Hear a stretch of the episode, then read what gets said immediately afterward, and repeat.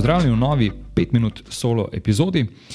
Danes bi govoril v, o inspiraciji, recimo, versus akciji. In sicer na letu sem na en tak zanimiv um, citat Marie Forleo. Mislim, da je ona avtorica knjige Everything is Figured Outable um, ali nekaj podobnega naslov. Uh, sicer se pa pojavlja pogosto v raznih podcastih s vsebinami za samo pomoč, izobraževalnimi uh, vsebinami in podobno. In sicer ona pravi: uh, Don't confuse getting inspired with getting things done. Create before you consume. In ker tudi sam v intervjuju epizodah vedno sprašujem po veru inspiracije in pogosto tudi sam. Um, konzumiram tako knjige kot uh, razne podcaste z izobraževalno osebino, sem se malce zamislil nad njenim citatom. Um, Marija sicer pravi, da vse čas ali ustvarjamo ali konzumiramo neko osebino, ki jo je ustvaril nekdo drug. In ja, težko bi rekel, kaj je v bistvu bolje. A je boljš, da, najprej, da bi najprej posvetil čas lastnemu ustvarjanju, naprimer zjutraj, preden bi se lotil preberanja česar koli, eh, vključno s vem, socialnimi mediji ali pa vključno z branjem uh, mailov.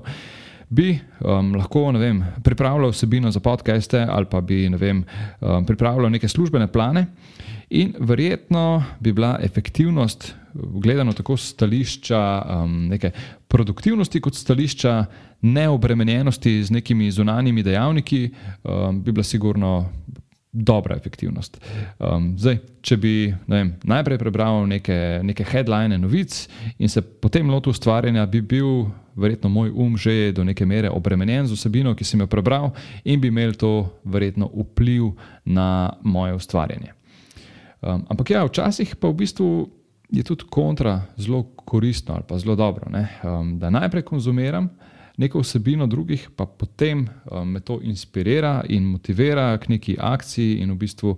Um, Potem bolj ustvarjam. Če gledam, naprimer, da, da mi vem, dobra glasba pomaga pri ustvarjanju česar koli, um, je sigurno to kontralogika. Najprej pač konzumiram vsebino, ki so jo pripravili drugi, se pravi neko glasbo, um, in me ta glasba v bistvu motivira za nadaljne delo. Se pravi, sem najprej konzumiral, pa potem ustvarjal. Tako da težko bi rekel, je bolje eno ali je bolje drugo.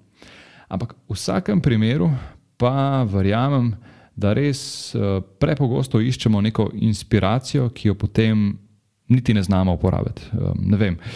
Preberanje celega kupa um, nekih uh, knjig z self-help vsebino um, nam samo po sebi ne bo pomagalo, če ne bomo um, naredili neke akcije z tega ven, če ne bomo te vsebine znali uporabiti tudi v praksi. In enako velja tudi za podcaste. Vem, podcast, ki ga trenutno poslušaš, sodi na Apple podcastu, recimo v kategorijo Self-Help.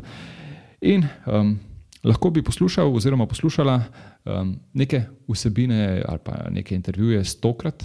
Um, pa če ne bi nikoli um, poskusil, oziroma poskusila uporabiti te nasvete tudi v praksi, je v bistvu doprinos uh, tega poslušanja v bistvu dokaj majhen ali nič, ali pa celo ničen. Ne. In ne spomnim se, kdo je bil gost na Richardovem podkastu, ampak spomnim se njegove izjave, ko je rekel: Dajte že nehati preberati uh, self-help knjige, pa dajte rajke narediti. In ja, to je res. Sej, eno je to, da iščemo inspiracijo in ta inspiracija sigurno je pomembna in ima nek pomemben vpliv, ampak na koncu je akcija tista, ki daje rezultate. To je to v današnji epizodi. Hvala lepa za poslušanje in se slišimo spet v prihodnji epizodi.